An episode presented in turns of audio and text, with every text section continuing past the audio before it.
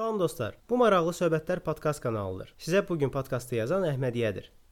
Kanalımızın əsas məqsədi faydalı məlumatları sizə maraqlı şəkildə çatdırmaqdır. Podkastlarımızı maksimum qısa edirik ki, səsimizdən çox bezməyəsiniz və işə gedib gələrkən qulaq asa biləsiniz. Bugünkü mövzumuz diqqətimizi gücləndirmək üçün 8 üsuldur. Daha az enerji ilə daha çox iş çatdırmaq istəyirsinizsə, o zaman diqqətinizi yaxşılaşdırmaqdan və diqqətinizi kəskinləşdirməkdən daha vacib bir şey ola bilməz. Bu vəziyyətdə bir insan son dərəcədə effektiv olur və gərginlik və stress hiss etmir. Diqqətinizi nə qədər artırsanız, bir o qədər istənilən sahədə uğurlu olmaq şansınızı artırmış olacaqsınız. İndiki zəmanədə diqqətimizi yayındıran bir çox şey mövcuddur. Hətta ortalama bir insanın diqqətini 8 saniyə saxlama biləcəyini göstərən bir Microsoft tərəfindən aparılan araşdırma var. Bu göstərici 2000-ci ildə 12 saniyə idi. Bu qızıl balığın diqqət saxlama vaxtından daha azdır. Qızıl balıqda bu 9 saniyədir. Görürsüz, vəziyyət nə gündədir. Xoşbəxtlikdən sadə texnikalar davamlı diqqət saxlamaq qabiliyyətinizi bərpa etməyə kömək edə bilər. Beləliklə diqqətimizi gücləndirmək gücləndirmək üçün 8 üsul.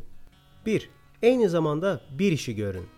İndiki zəmanədə insanların çoxu əsas iki səbəbdən konsentrə olmaqda çətinlik çəkir. 1. Uşaq ikən bizə deyirdilər ki, diqqətli ol, amma bunu necə edək izah etmirdilər. İkinci səbəb də odur ki, konsentrasiyamızı məşq elətdirmirik. Bir şeyə amma hər gün bu podkastda qulaq asan heç kim istisna olmamaq şərti ilə məşq edirik. Diqqətimizi yayındırır. Bax bunu biz hər gün edirik. İnsan konsentrə ola bilməməyini müasir texnologiyanın üstünə atır. Onu günahlandırır. Ancaq bu qurban sindromunun bir əlamətidir və bu yanaşma ilə insan heç nə öyrənə bilməyəcək. Texnologiya həyatımızı daha da yaxşılaşdırır. Əsas məqam burada odur ki, texnologiyadan faydalanmaq üçün biz onu idarə etməliyik. İmkan verməməliyik ki, o bizi idarə etsin. Diqqəti cəmləşdirməyi öyrənməyin ilk və ən yaxşı yolu eyni zamanda bir işlə məşğul olmaqdır. Sadə səslənir, amma bunun belə olmadığını bilirik. Ancaq məşq etsəniz bunu mütləq alındıra biləcəksiniz. Bu addımları edin. İşdə hesabat yazarkən hesabat yazın. Küçədə gəzərkən diqqətinizi küçədə gəzməyə yönəldin. Birisi ilə söhbət edərkən söhbətə tam diqqət yetirin. Telefona baxmayın. Instagram Instagramda kimin yazdığını, like elədiyini izləməyin. Diqqət yayındırmaqdan kənar bu söhbət elədiyiniz insana qarşı hörmətsizlikdir. 2.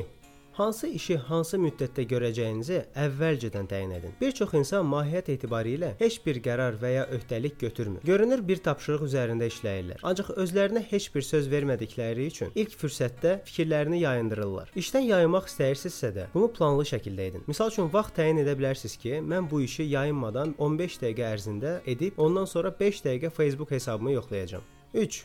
Fokus əzəllərinizi yavaş-yavaş formalaşdırın. Təzə başlayanların səhvi odur ki, edə biləcəyindən daha çox şey etməyə çalışırlar. Bütün bunlar məyusluğa və bu işi atmalarına gəlib çıxardır. Fokusunuz üzərində işləməyə başladığınız zaman kiçikdən başlayın. Fokus əzəlləriniz çox zəifdirsə, 5 dəqiqəlik taymer qoyun. Bir işə 5 dəqiqə müddətində diqqət ayırdıqdan sonra 2 dəqiqə fasilə verin. Sonra bir tapşırıq üzərində yenə 5 dəqiqəlik taymer qoyub fokus olun ona. Sonra yenə də istirahət və belə davam edirsiniz. Növbəti gün taymerdə vaxtı edirsiniz 10 dəqiqə və hər gün artıra-artıra gedirsiniz. Bu texnika ilə fokusda qalmaq vaxtınızı get-gedə çoxaldacaqsınız. 4. Qıcıqlandırıcıları müəyyənləşdirin. Düşünmədən vacib bir işə start verməyə tələsməyin. Əvvəlcə diqqəti yayındıran şeyləri aradan qaldırın. Bir şeyin sizin diqqətinizi yayındıra bilmək ehtimalı varsa, mütləq yayındıracaq. Bunu mən deməmişəm. Bunu Murphy deyib. Diqqəti yayındıran şeylərə qarşı mübarizə aparmaq üçün bir plan qurun. Misal üçün, narahatsınız ki, telefonunuz diqqətinizi yayındıracaq, söndürün. Narahatsınız ki, başqa insanlar diqqətinizi yayındıracaq, onları xəbərdar edin və sakit bir künc tapın. İnternet asıllığınız var, kompüteri qoyun qırağa və bir kağız və qələmlə tapşırıq üzərində işləyin. Diqqəti yayındıran səs-küy var, qulaqlıqları taxın. Qıcıqlandıran hər şeydən azad olmağın bir yolunu tapın. Bunu mütləq bəhrəsini görəcəksiniz. 5. Diqqətinizi kəskinləşdirmək üçün meditasiya edin. Əslində bu mövzu çox geniş ola bilər. Hətta bunun haqqında düşünürəm ki, bir ayrı podkast edim. Çoxsaylı araşdırmalar sübut edir ki, meditasiya edənlərin konsentrasiyası meditasiya etməyənlərə nisbətən daha yaxşıdır. Həyat təcrübəsi də onu göstərir ki, indiki məqama nə qədər çox diqqət yetirirsinizsə, meditasiyada elə budur da əslində. O qədər diqqətiniz yaxşı olur. 6. Yox deməyi öyrənin. Sizin üçün hazırda etdiyinizdən daha az əhəmiyyət kəsb edən hər şeyə yox deyin. İstirahət vaxtına layiq olduğunuzu bəhanə etməyin. Çünki bu çox vaxt yalnız prokrastinasiyadır. Bir yadınıza salın. Hər hansı bir məqsədi qoyursunuz qarşınıza, işləyirsiniz onun üzərində və birdən hansı dostunuz zəng edir ki, gəl çıxaq bir gəzək, gəl partiyaya gedək. Belə təkliflərə yox deməyi bacarmalısınız. Bacarmırsınızsa öyrənməlisiniz. 7.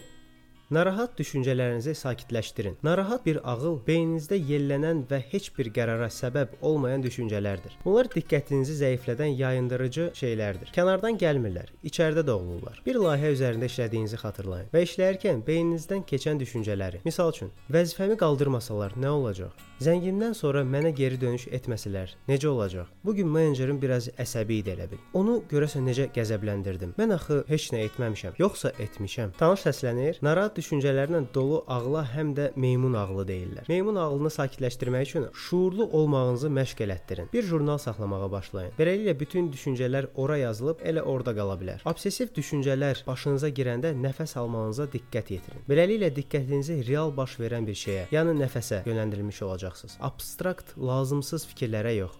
8.